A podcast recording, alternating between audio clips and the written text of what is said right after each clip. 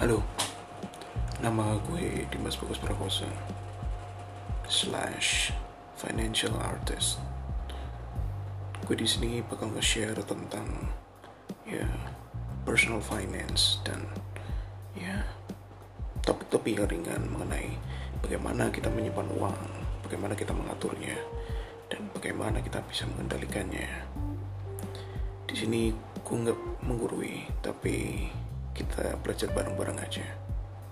Ya, terima kasih dan tunggu podcast-podcast selanjutnya.